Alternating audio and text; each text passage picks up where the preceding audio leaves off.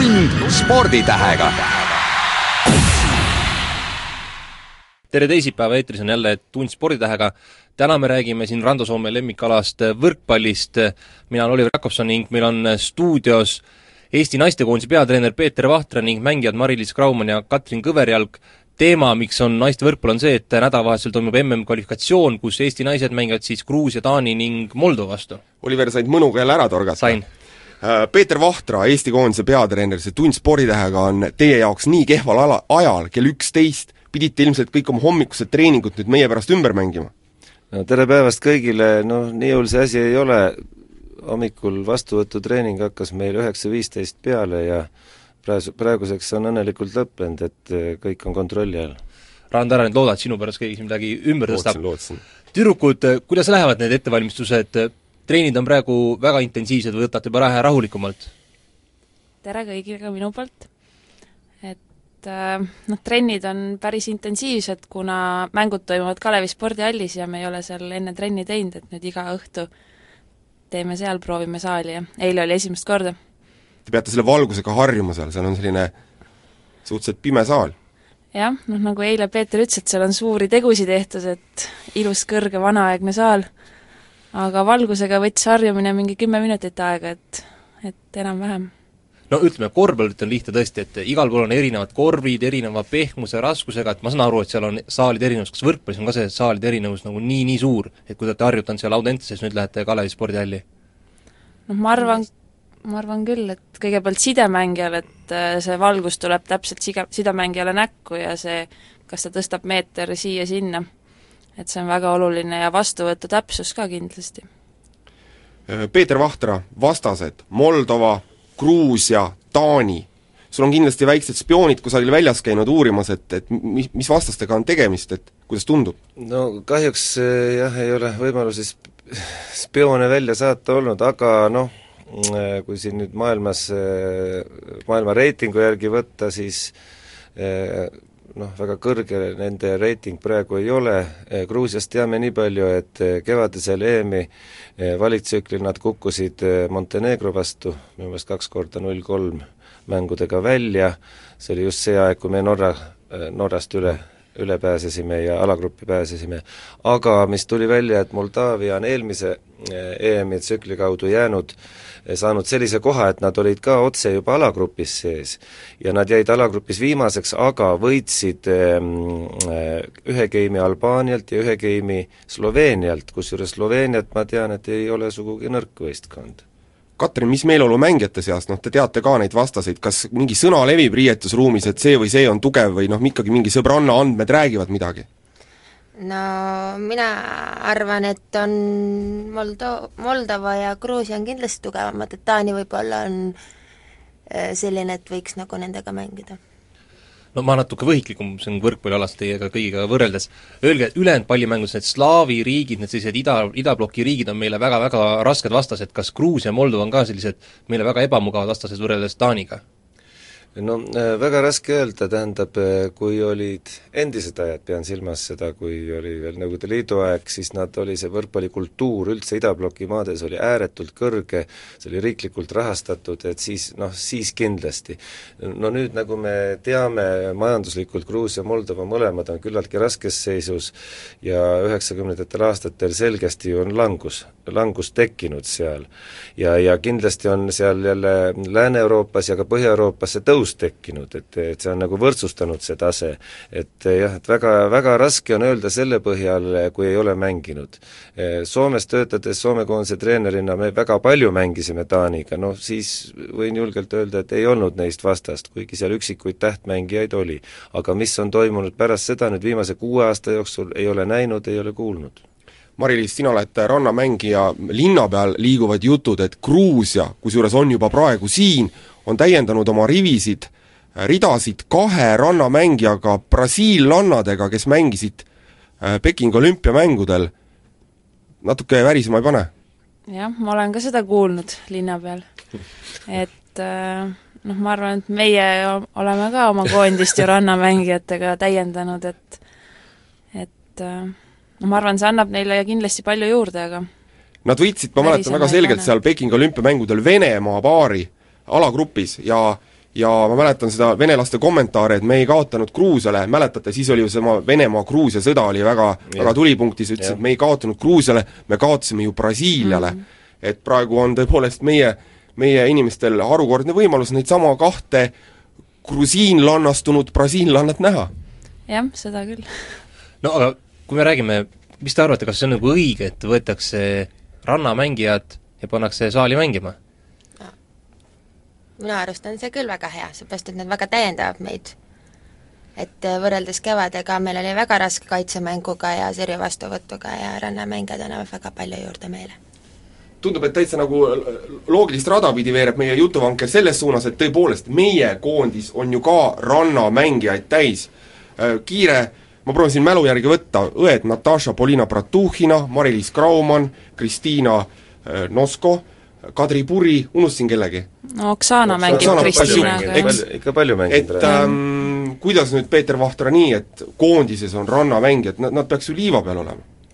no aga rannamängijad on äh, siin tõestanud juba mitmendat hooaega, et äh, suudavad siin võita Eesti meistritiitleid ja karikavõite võtta ja kui Eesti on niivõrd väike maa, meie mängijate valik on nii väike ja kui nad jaksavad ja oskavad ja on motiveeritud eh, talvel koondist aitama sisevõrkpallis eh, Eesti meistritiitli eest võitlema, no miks mitte neid kasutada, me ei ole siin Venemaa, et me jagame mängijaid eri leeridesse ja siis ühed on sees, teised väljas, me teeme kõik võimalikku, et saaks võimalikult hetkeseisul võimalikult tugeva koondise välja panna Mari-Liis, kuidas sina ennast identifitseerid, oled sa rannamängija või oled sa saalimängija? no hetkel saalimängija, aga mulle ikka rannavõrkpall on südamelähedasem. Peeter Vahter istub siin, sa ei saa ju midagi teistmoodi praegu öelda. no tähtsad mängud on ees, jah. Katrin, käsi südamele, on ju, sina ei ole rannamängija, kas seal riietusruumis on nagu, nagu võistkonnakaaslaste seas väikest diskussiooni ka olnud, et no pagan, meie teeme siin trenni, korraga sõidavad koondisse nüüd rannamängijad, mis toimub? ei, kindlasti ei ole. Ära uduta, noh, ikkagi midagi on olnud.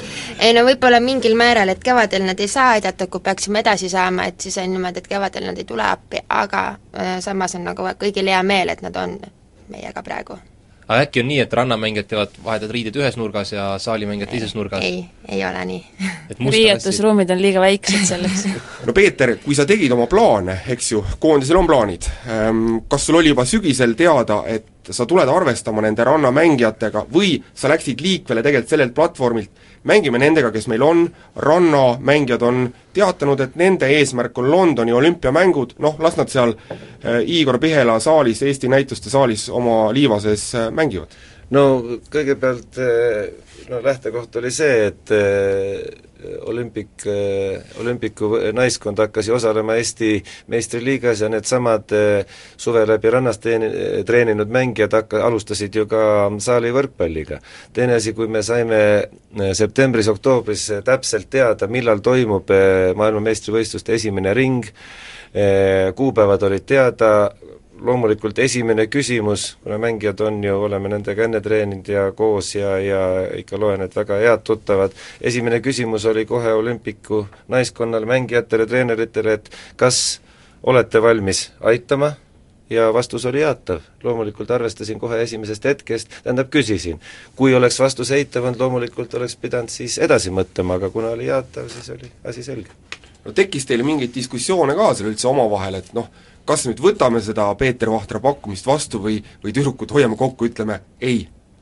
ei, loomulikult me arutasime, et noh, meil oli plaanis terve detsembrikuu liiva peal trenni teha ja kuna need mängud on juba suht jaanuari alguses, siis me saimegi sellisele kokkuleppele, et detsembris teeme liiva peal ja siis äh, detsembri lõpus oleme saalis ja valmistume koondiseks ja suureks plussiks oli see ka, et see koondise mängud on Eestis, et ei pea kuskile sõitma pikalt.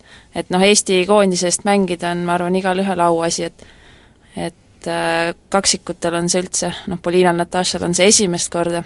täiskasvanud. Nad said kahe tuhande viiendal aastal Eesti kodakondsuse ja., jah et nemad on väga motiveeritud ja. ja mina samamoodi üle kuueteist aasta või millal see viimane koondise mäng oli, millal mina mängisin tõepoolest, ma lihtsalt väikse remargina ütlen vahele, et kuusteist aastat ei ole Eestis olnud naiste koondist, et ütleme, te alustasite eelmine aasta või noh, tegelikult võib öelda kaks tuhat kaheksa, alguses tuli selline uus restart jah, no ma natuke parandan, koondis on küll äh, eksisteerinud ja väljas käinud, aga ei ole ametlikel võistlustel. et siin Spring Cupid ja sõpruskohtumised ja neid on toimunud, aga ütleme, EM, MM, olümpia, see, nendes tsüklites pole kuusteist aastat osaletud. aga seda ma mõtlesin, et mina olen koondises mänginud, aga mitte kuusteist aastat tagasi, siis ma olin vist väga noor veel.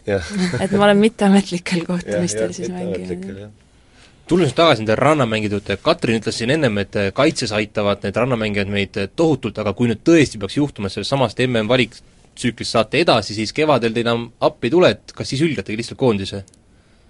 ei, me ei hülga koondist, me toetame ikka, aga lihtsalt meil hakkab aprillis äh, rannavõrkpallihooaeg pihta Mari-Liis, te toetate moraalselt, ma kujutan ette. toetame moraalselt. no kui Rando luges needsamad nimed ette, et lausa kuus nime, see tähendab seda, et praktiliselt pool koondist jookseb ju randa laiali, et mis siis Peeter saab, et kui nüüd tõesti peaks juhtuma see ime, et ma ei tea, kas ta on see ei ole ime. see ei, ei ole, vabandust, ei ole ime, kui te peaksite edasi saama. Eh, tegelikult natuke parandan, momendil minu andmetel on jutt, et neljast mängijast, kes kevadel ei osale, et mitte kuuest, et tean ikkagi, arvestan praeguse seisuga, et Kristina Nosko ja Oksana Bosjanok on ikka kevadel ka olemas ütleme, kui tõenäoline näiteks on selline variant, et reede, kui te mängite, oli vist Moldova vastu esimene mäng? Gruusia. Vastu, et jooksebki tegelikult põhikuuvikus rannamängijad kõik platsile?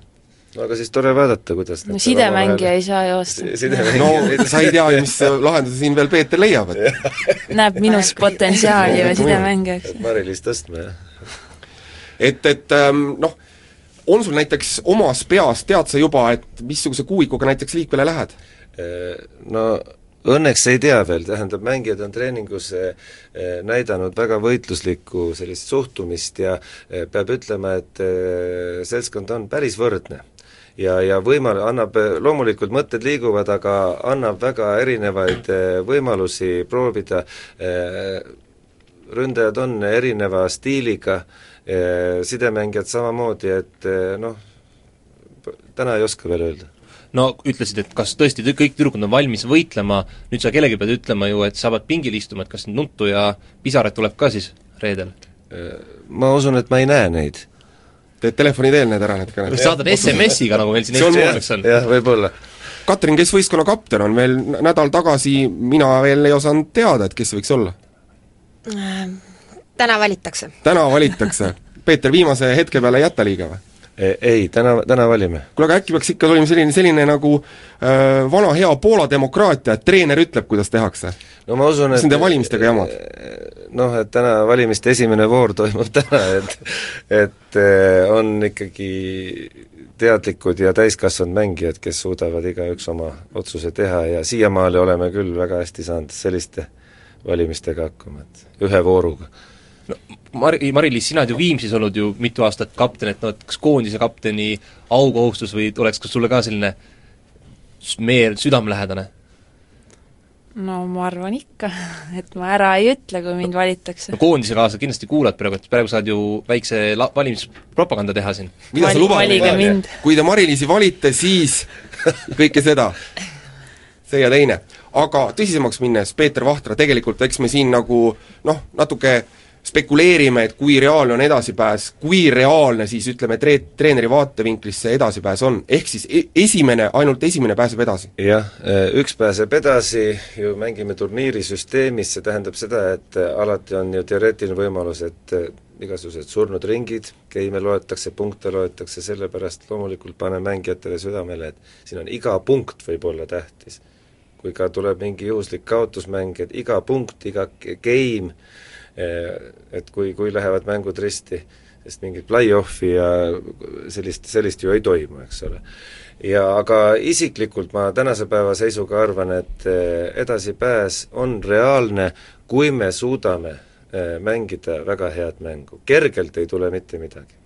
sest ka meil, meil ei ole kontrollmänge praegu all, ja, ja tegelikult rahvusvahelisi nagu saalivõrkpallimänge Eesti koondise tegelikult praktika on momendil ikka päris väike koduseinad toetavad, miks see turniir üldse Eestis toimub, kas ülejäänud koondised ei näidanud huvi üles? seda väga pikalt mõeldi, et kus ja, ja kuidas teha, tähendab, seal kõigepealt oli probleem selles, et mitte keegi ei tahtnud seda turniiri võtta, kuna algselt oli reglemendis ette nähtud, et turniiri korraldaja maksab kõik kulud. Aga siis pika arutelu äh, äh, järgi jõuti nagu otsusele, et ikkagi iga maa peab teatud nii-öelda kautsjoni sisse maksma ja siis seal Henn Vallimäe arutas oma FIVB kolleegide ja Gruusia ja Moldova ja Taani siis peasekretäridega ja jõuti siis kokkuleppele, kuna Gruusia ja Moldaavia niikuinii ei tahtnud ja ei saanud korraldada ja, ja Taani pidas seal korraldamist liiga kalliks, et siis kulgne keste, et siin rahaliselt toetatakse Eestit ja siis, et oleks Eestis, et meie jaoks väga hea variant. müts käis ringi nagu ja igaüks pani midagi ja ei, sisse. ei seda vabatahtlikult ei võtnud nagu algse, algselt keegi, seal käis, seda veeretati ikka kuu aega, seda otsust, et Peeter Vahtra, tunned sa tegelikult vastutuse meeletut koormat, et kui koondis edasi ei pääse, et äkki see ongi Eesti naistekoondise lõpp? tähendab, ei ole selle peale mõelnud, sellepärast et kui eelmine aasta tagasi ju alles tegelikult see koondis moodustati ja ja ju selge, selgelt sai ju välja hõigatud ikkagi idee, et nüüd koondis sünnib, ei sünni ainult üheks aastaks, loomulikult on vaja aega, et harjuda rahvusvaheliste mängudega ja, ja tuleb olla realist, vaadata ikkagi siin, ma usun, siin aasta-kahe jooksul, et mis seisus me tegelikult siin maailmas ja Euroopas oleme ja sealt siis hakata edasi minema, et ma loodan, et nüüd ka kõrgema juhtkonna poolt ümbermõtlemist ainult ühe aasta jooksul ei ole veel tekkinud, kuna ei olegi jõudnud õieti veel midagi teha, et ikkagi koondis eksisteerib edasi, üritab edasi, tuleb noori peale, et ise olen praegu täielikult rahulik ja, ja mulle väga, kordan veel, väga meeldib mulle meeldivad need mängijad, kes iga päev väga hoolega valmistuvad selleks, annavad endast kõik ja harjutavad hästi, et ma olen momendil väga rahul Katrin, mis meeleolu sind valdab, et Mari-Liisil on hea, tema läheb, põgeneb randa ära, kui nüüd kõrbeti, aga sina ilusa jume peale ma väga loodan, et me saame edasi, et mina olen ka täitsa rahulik ja no töö otsimise, tööd oled otsinud endale või? kui nüüd kõrbete tõesti? mängija kohta Gruusia võib-olla pakub, äkki? Nad ju No. ostavad ko- kohale. no esmaspäevaks on kõik selge siis ju. just, just. noh äh,, aga tegelikult äh, kas teie, ütleme ka omas võistkonnas tunnetate ka seda tegelikult, et noh, noh, võib-olla selline tõsine hetk on tulekul, kus, kus kaalutakse noh, kaalul on rohkem kui, ma ei tea, nagu vanasti öeldi, rohkem kui elu. Randar on nii mine no fataalseks jah, väga väga palju on kaalul, ütleme. Väga ei tunneta, et noh, mina loodan ka selle peale, et seda, kui see koondis eelmine aasta tehti, et see ei ole ikkagi üheaastane projekt, et nüüd me ei saa sealt turniirilt edasi ja kohe lõpetatakse ära, et see peaks ikka olema pikemaajaline projekt ja mõtlema, et kuidas seda koondist paremaks teha ja sinna rohkem professionaalseid mängijaid saada. no tähelepanuga olete harjunud, et Mari-Liis, sind ma näen meie Kalev spordi ekraanil mitu korda, et ta käib kiivri juures seal. et eh, tegelikult eh, teie käest küsitakse intervjuusina, et Rando kutsus isegi saatesse, see on teile võõras või mitte? Äh, Juba natukene harjunud. no aga esialgu Katrin ütles, et tema natuke väriseb enne saadet. no minul ei ole niimoodi, mul on see esimene kogemus. ei no sa vaata, värisema võtab see, kus on treener kõrval, sa ei saa öelda nagu, nagu asju, mida tahaks öelda. Peeter, sina, meediahuvi, tund-, tunned sa, et ütleme, Eestis on ka noh, nagu selgelt võib-olla naistekoondise tulekuga sellele kaardile huvi teie vastu suurenenud? loomulikult on. loomulikult on äh, suurenenud ja, ja noh, loodetavasti see meedia huvi püsib. ja täiesti saan ka meediast aru, et noh, kui on tulemused paremad, on huvi suurem, aga, aga tahaks äh, kõigest hingest loota jah, et, et, et see äh, elementaarne huvi säilib, see kindlasti motiveerib ka mängijaid, eriti nooremaid mängijaid, kellel võib-olla veel meediaga suhtle, meediaga suhtlemise kogemus tegelikult puudub, aga usun kindlasti, et motiveerib, et väga loodan kas teid juba ära ka tuntakse, Mari-Liis, et väikestele tüdrukutele näiteks autogrammi annad või? ei, õnneks ei tunta. Ei, ei, see, see, see muutub kohe pärast seda turniiri, et ma, ma pärast seda saadet no, kohe ka alla jõuad. Peeter, sa ütlesid, et ähm, te tahate teada, mis seisus on Eesti võrkpall võib-olla maailma ja Euroopa kaardil, noh, mis see reaalsus on, eks? kus me oleme? no kevadel just mõtlesin selle järgi, ma arvan, et seal äh, kuskil kahekümnenda, kahekümne viienda äh, koha piirimail Euroopas. No number ei olegi iseenesest väga hull, noh. jah, ei no selles mõttes ei ole muidugi, sest äh, usun, et on võistkondi Euroopas, kelles, kes on mänguliselt meist äh, tagapool ja tegelikult eks realist olles me peame eelkõige ennast ikka võrdlema äh, noh, väiksemate Euroopa riikidega, et kuidas me nende suhtes oleme, noh, me ei, kunagi ei saa ennast võrrelda Venemaa, Itaalia, eks ole, sellist, selliste riikidega, et natuke nagu jalad maas püsima ikkagi. Katrin, vaadates mehi, meestekoondist, nad said EM-i finaalturniiri, et annab see ka sellist lisa, sellist mingit motivatsiooni, et pagan, et äkki ükskord naised ka jõuaks kuskile väga kaugele? loodame, et kunagi ikka saame. mingit, mingit lisa, lisa sellist ei ole, et kohe olete võtnud endale eesmärgiks, proovime nendele kuhugi meeste, meeste sabas näiteks äh, kaasama jõuda? jah, kindlasti, noh mina arvan, et kuidas koondist üldse paremaks muuta, on see, et rohkem noormängijaid peaks välisklubidesse saama. et see, et Eestis siin hakata mingeid professionaalseid klubisid tegema ja raha maksma, et see on nagu kaugem tulevik, et ennem peaks pärast keskkooli kõik välismaale saatma, kes võimalik, ja sealt siis seda koondist saab tugevdada. Läti jääb nõrgaks? ma arvan, Läti jääb nõrgaks, jah.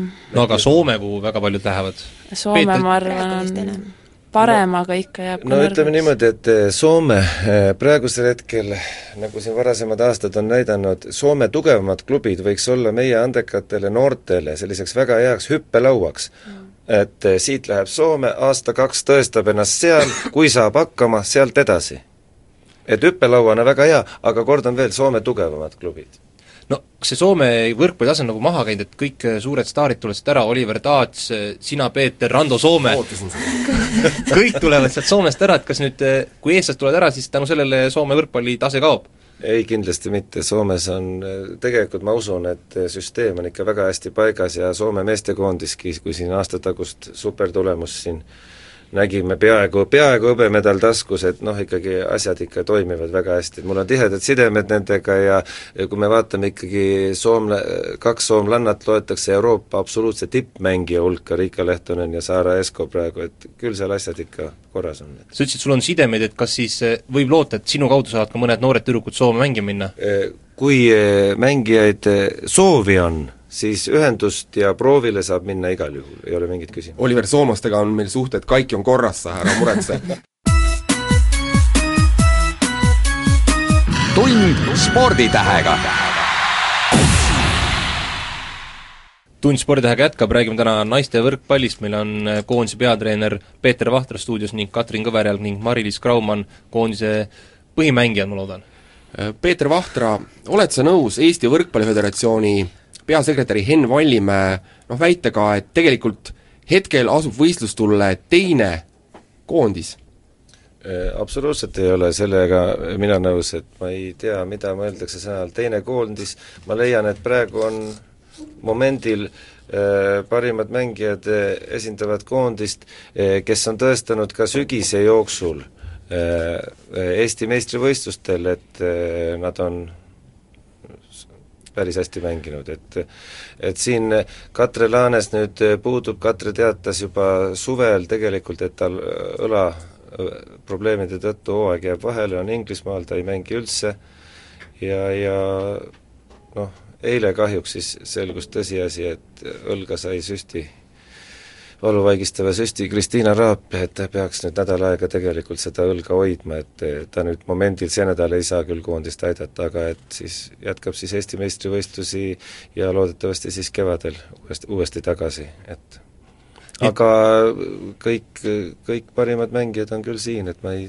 tea küll öelda, kes puudu oleks nüüd. ma küsin Heidi Luks näiteks väga konkreetselt no Heidi Luksi ma ei ole näinud Ameerika Ühendriikides jah, äh, aga Heidiga ka oli juba varakult jutt ja see oli varakult teada, et ta praegu ei saa aidata, esiteks tal oli juba ammu lennukipiletid eh, ostetud niimoodi, et ta kümnendal sõidab ära, eh, teiseks eh, tal on ka praegu hoopis selline noh, õlg võib-olla Ameerikas nüüd mängides ei ole see opereeri-, opereeritud õlg päris korras, et nagu ta-, taastab õlga, mängud olid väga tihedad seal olnud, tal oli väga hästi seal läinud ja samas ta ütles ka seda, et see lühike puhkus, mis on, kui ta siin Eestis on, et ta tahtis nagu keskenduda tõeliselt nagu puhkusele, kuna ees ootab väga tihe treeningperiood, et see ei olnud, et ta nüüd momendil ei aita, ei olnud nagu üllatus ja teine asi, noh, eks ta oleks pidanud ka samamoodi siis tulema laagrisse ja tõestama, tõestama siis teiste mängijate hulgas, kui, kas ta nüüd on koondise kohta väärt või mitte, aga noh, kindlasti on noore, noh, tunnen ju teda hästi ja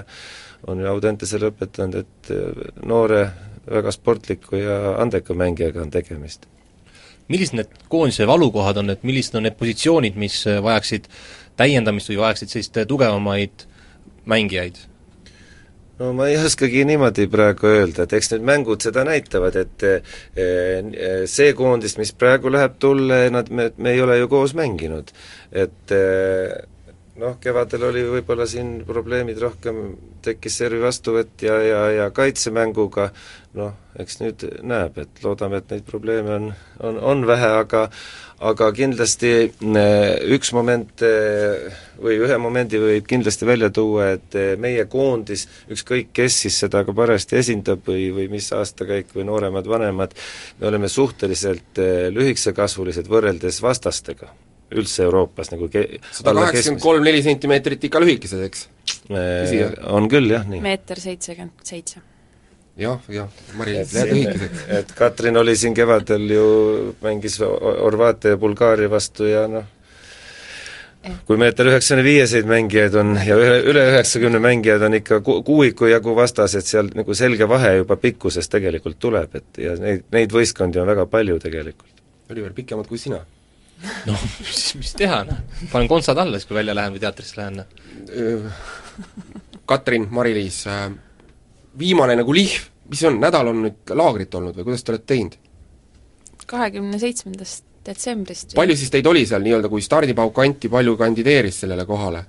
vist oli mingi viisteist, kuusteist. viisteist, käis, käis läbi periooditi sealt. Peeter Vahtra, võtmemängija Maarja Kerner tuli eile Kambodžast, ütle, kas nii valmistutakse nagu tähtsaks, tähtsaks turniiriks?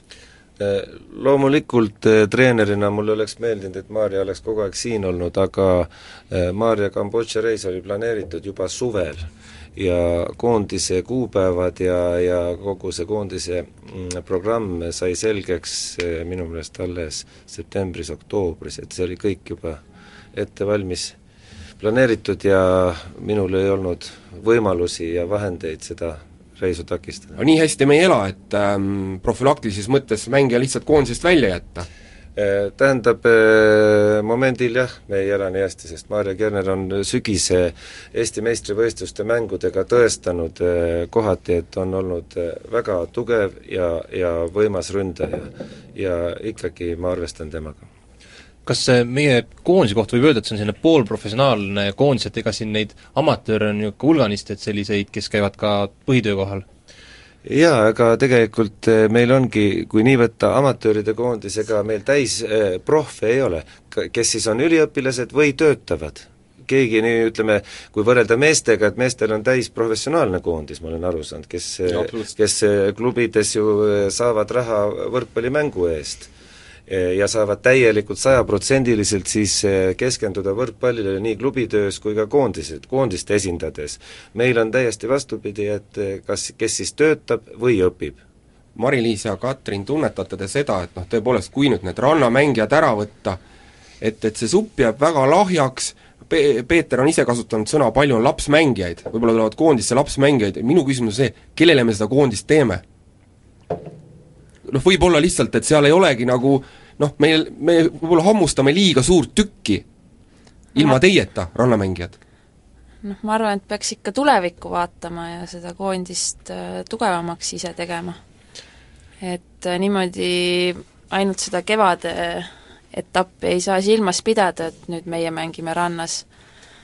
et äh, jah no ma lisaksin kohe siia juurde, et eh, nagu enne ütlesin, et eh, kui aasta tagasi see koondis sündis, siis eh, ikkagi lubadused ja eesmärgid ju leppisime ka EVF-i juhatusega kokku, et see ei ole üheks aastaks, nüüd on koon-, koondis on olemas ja, ja siit tuleb edasi minna, ega väga palju näiteid võib ju kogu maailmast tuua, kust tulevad sellised väga selged noorenduskuurid ja ne-, nii-öelda jutumärkides lapsmängijaid hakkab esind-, on esindanud ka tugevate maade koondist, aga üks aasta ta on lapsmängija, siis ta kohaneb sellega, siis on ta juba täiskasvanud, et nii see protsess tegelikult käibki. siis läheb mehele ja nii edasi, nii edasi. nojah sünnitamine aga... pidi ju tugevamaks tegema seda teil lepingus ei ole kirjas, ei ole? Vene koondisel oli ju, et sa ei tohi meil pole lepingut. veel ei ole kirjas, jah? töölepingus seda ei ole. ei ole, jah no tüdrukud, kui Peeter enne rääkis, et te olete sellised poolprofessionaalid, et kui raske on siis õpinguid ja tööd segada koos selle võrkpalliga? aga treeningud on õhtuti, et siis päeval jõuad oma toimetused ära teha. noh, mina käin koolis ja tööl, et tööd peab tegema ja kool jääb teisejärguliseks ja ja võrkpall kolmandajärguliseks? ei, trenni jõuan igal, igal ajal iga ilmaga. Iga ilmaga, jah. Peeter, sa ütlesid, noh, tähendab, vaatame teist poolt, kas sina oled rahul Eesti Võrkpalli Föderatsiooni poolt sinule antud selle noh, piltlikult öeldes riidega, niidiga, nõelaga, millest sina pead nüüd selle ülikonna valmis õmblema, kas nendega, nende poolt on kõik tehtud? ma võtan asja selles mõttes realistlikult, et ma tean ja ka Eestisse tulles teadsin täpselt, milline on Eesti võrkpalli seis, et siin ei ole naisteklubid, ei ole professionaalsed, nad üleöö ei muutu ka professionaalseks, see on päris selge, selles mõttes, et klubide rahakotid ei ole nii paksud, et hakata mängijatele läbi aasta täispalka maksma ja, ja ma täpselt võtan seda asja nii, nagu on ja üritan selles seisus oma parima anda. Illusioonide purunemist ei ole olnud, tulles Eestisse? ei ole. tüdrukud, kas loobumismõtted ka vahel peast läbi käivad? hetkel mitte. ei no aga kui päris aus olla? ei. Katrin, see, see, Mari-Liis on nagu selgelt profileerunud, ta tahab rannas jõuda olümpiamängudele, Katrin, sinu eesmärgid väga konkreetselt, kuhu sa võrkpallurina tahaksid jõuda?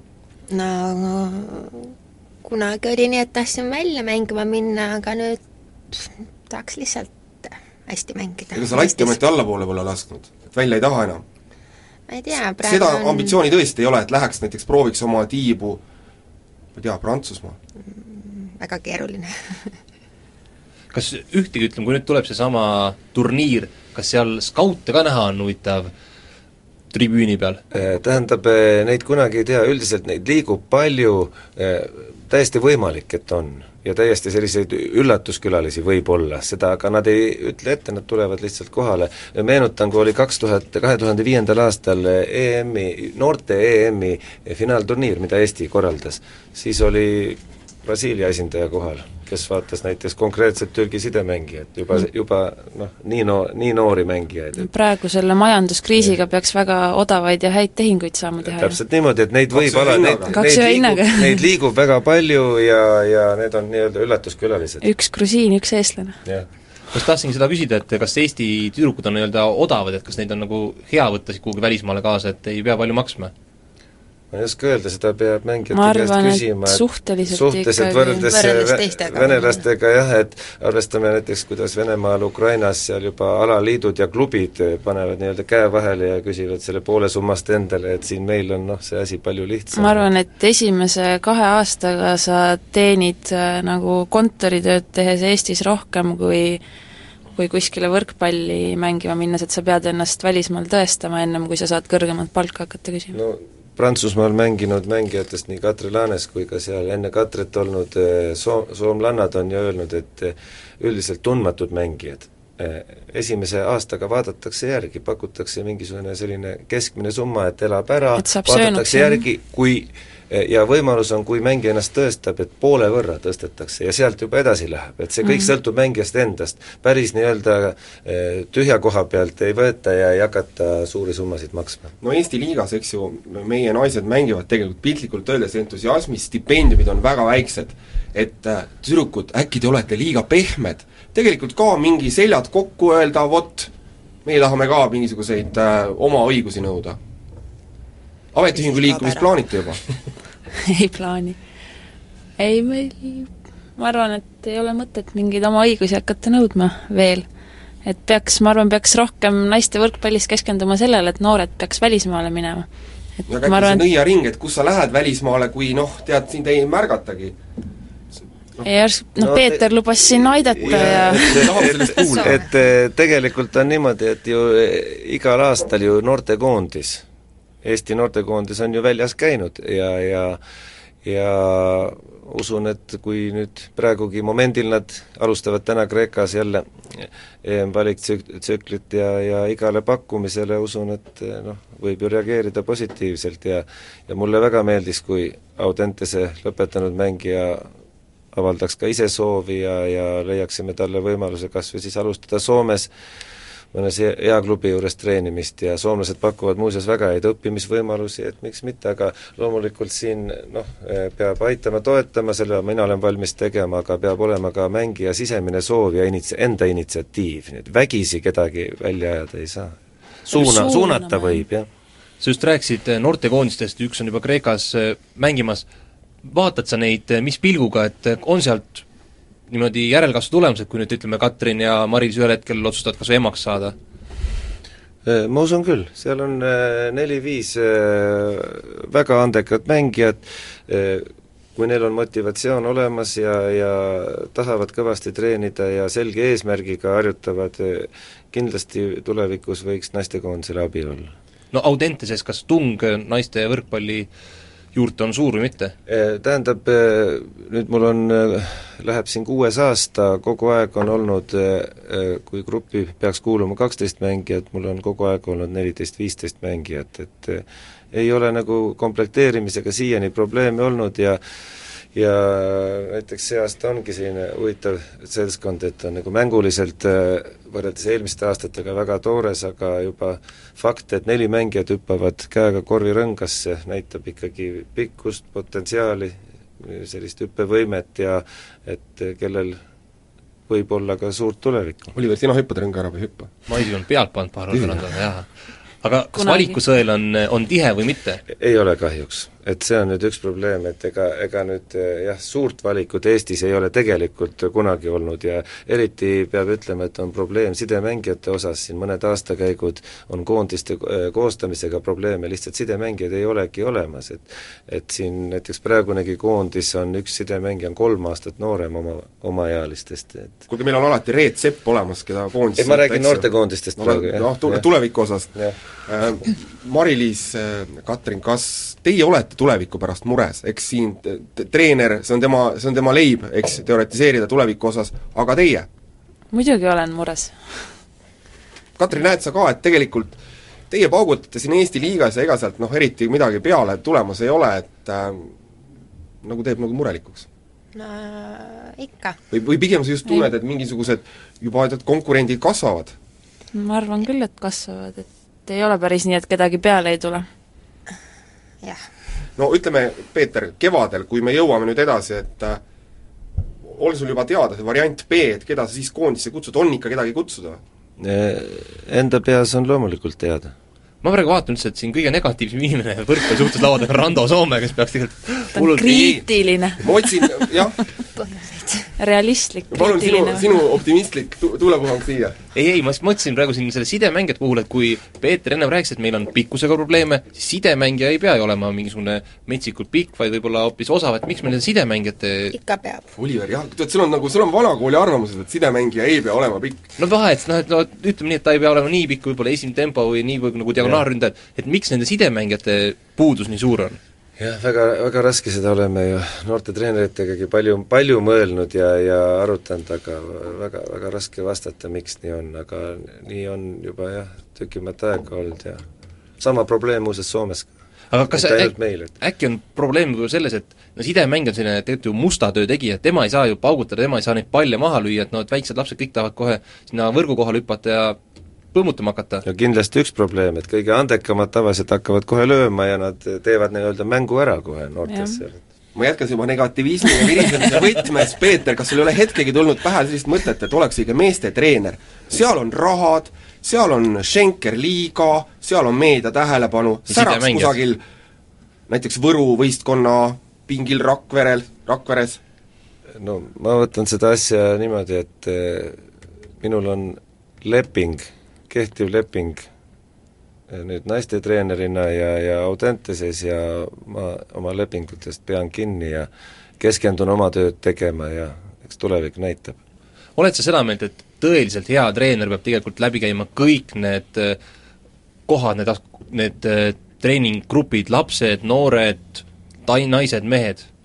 Tähendab noh, ideaalne oleks, aga paraku ega elus eh, väga vähe on neid treenereid, kes tõesti jõuavad läbi käia ja veel edukalt läbi käia kõik, kõik etapid, et eks üldiselt see spetsialiseerumine tänapäeval ikkagi, hea lastetreener töötab ikka lastega ja ta hoiabki seda nagu joont ja edasi ikkagi meestetreener, naistetreenerid, aga on üksi, üksikuid juhtumeid, kus vahetatakse, et või noh, ka sellest nagu midagi ei ole, aga eks selline ümberlülitumine enda sees peab muidugi toimuma, et tüdrukud, teie ei ole treeneri ameti peale mõelnud? no mina olen paberi peal teine treener ja mõned trennid andnud, et et no vähemalt ise mängijana ja trenni tehes on väga raske treener olla, et et ma eriti ei tiku küll sinna pingi peale. no aga võtaks väiksed junsud ja hakkaks neile õpetama seda tõstmist, löömist, palli käsitlemist, hetkel ei ole küll selle peale mõelnud, võib-olla rannavõrkpallitreener, see on kergem, et siis nad juba oskavad võrkpalli mängida. no Katrin, sina? ei. no teil on kindlasti tegelikult mingi, tead nagu on, naistel on ideaal, ideaalsest mehest mingi ettekujutus, nagu ideaalsest treenerist, eks ju, me teame, Venemaa koondise treener Nikolai Karpol sõimas ikka tüdrukut täitsa pilbast, eks. milline see naiste treener peab olema, kas ta peaks olema selline kõva, kõva ütlemisega või just pigem selline kõike mõistev, kõike, kõigest aru saav? Noh, ma arvan, treener peaks ikka piisavalt karm olema, et kord oleks majas, aga samas samas mõistev ka. karmid samas- ütlemised te seediksite ära? noh, kui nad on õiglased nagu selles mõttes, et ei ole isiklikud, siis küll. aga noh, ma arvan, naistetreener on kindlasti raskem olla, et sa pead natuke psühholoog ka olema rohkem kui meestetreenerina, et järsku mõni hakkab nutma või midagi. kumb on etem, kas äh, naistreener või meestreener? Peeter ei pea kuulama praegu. Ei pea, ei pea Keete, tõenäoliselt selles Keete mõttes on ka ei teil- teil on kuule. nagu nüüd on võ- võrdlusmoment, Mari-Liis, sinu treener Keete Puri, Katrin, sinu treener Peeter Vahtra. no väga rahul Peeter Vahtraga. ega me mõtleme, ei, et jätame nüüd Keete niimoodi ja on raske ei ta võrrelda on ja raske tõesti. kas naised nagu treenerina mõistavad rohkem seda naiste hingeelu, et Ah. või on just jällegi mehe kohalolek miskit pidi distsiplineerib? Oliver, me lähme liiga hingesoppi tundub küll, et ma küsin siis Peetri käest, et et rääkides sinu kolleegi Jaanus Levkoiga, siis tema ütles, et tüdrukutega on see probleem, et tüdrukud on liiga korralikud, nad ei taha olla sellised natukene nahaalsed, on, on võrkpallis sama probleem? Eks kindlasti ja see on eh, loomulik niimoodi, et eh, naised ja tüdrukud, nad on mõnes mõttes kohusetundlikumad. et aga nendega on teisi probleeme kui meestega. pisaraid oled sa palju näinud selle kuue aastaga, mis sa siin Eestis oled? Noh, kuus aastat Eestis, ma usun, et selle kaheteist aasta jooksul Soomes nägin rohkem kui kuue aasta jooksul Eestis. varutaskurätid on sul ikka kõik ka kaasas tüdrukutel? loomulikult. ja kui ütleme, kuigi Eestiski oled kaksteist aastat, kas siis Soomes oli rohkem pisaraid või, või oli neid Eestis, on? no ma ütlen kuue aasta pärast. no aga on siis ka, ütleme, tõepoolest tundub, et äh, teie kui mängijad noh, võetakse, elatakse üle, noh pisaraid te, teie olete valanud kaotuste peale või mingi treeneri kõva sõna peale? Ei, kaotuste peale, jah. ikka on, õhtu lähed, tead, teed oma päevikusse, kirjutad armas päevik, et täna ei läks halvasti. võrkpall on ju mänge. no jah, aga tihtipeale ta tekitab emotsioone. emotsioone ikka tekitab kohe. no Rando omal ajal nutis palju. loomulikult, Oliver. paljad olid märjad. no meil läks Peeter, mustaks ka. kas sa nagu kahetsed ka, et sa oled tütarlaste peale suunanud ennast, mitte poiste peale? Vastan ausalt, et mul ei ole aega olnud kahetseda. ma ei ole kahetsenud, sest mul ei ole aega olnud, et eh, nii Soomes töötades kui Eestis töötades töökoormus on suur ja ma olen seda üritanud nagu endast kõike anda ja teha ja, ja minu aeg ja mõtted kuluvad sinna. see kahetsus, noh, kui see Peet- peab tulema, las ta tuleb kunagi hiljem. Peeter, töökoormus on sul tõesti suur, sul on äh, kaks klubi pluss koondis, Viljandi Metall, Audentes noortekoondis, kuidas sa jõuad seda kõike? Siiani olen jõudnud ja tänu mängijate ja, ja äh, klubi, Viljandi klubi juhtkonna mõistvale suhtumisele, aga ma natuke parandaksin, et tegelikult on üks naisteklubi, Audentese on ikkagi spordikool, kus ikkagi oma süsteemi alusel meie parimad õpivad ja ta on alaliidu võistkond, et ma ei nimetaks teda klubiks. et see on ikkagi hoopis te-, teine, teine süsteem praegu, et päris nii ei ole, et mul nüüd kaks eraldi klubi on, et Neid hoobasid ei ole, et ütled, et see, kui omavahel mängite, et äh, see ja see võidab treeneri käsul. ei ole päris kindlasti. me ei ole seal triobetis ju kirjas, me ei saa panuseid teha minu arust naiste võrkpallil Nad jälgivad teid ka, ma arvan, et te olete täitsa olemas seal. ma arvan küll, et et, et, et selles pead ise mõttes panustama. jah, see on läbi Margus Kiivri teed näiteks. hea küll, suur tänu tüdrukud, suur tänu Peeter Vahtra, kõik, kes tahavad siis vaadata, kuidas see mäng läks, siis lähevad reedel Kalevi spordihalli, miks mitte Audentes, miks on Kalevi spordihall? Eh, Tähendab, eh, kuulsin niimoodi, et eh, juba varakult oli, juba varakult oli planeeritud Audenteses ja TTÜ saalis toimub kõrgkooli töötajate mingid suuremad okay. üritused, et lihtsalt spordihalli no üdi, üdini negativistlik Rando Soome siiski lõpetab üdini positiivse sooviga, tüdrukud, Peeter, saage sellest alagrupist edasi, vaatame, mis siis hakkab toimuma, aga igal juhul täitke see oma ülesanne. Pall maha! suur tänu, üritame! tund sporditähega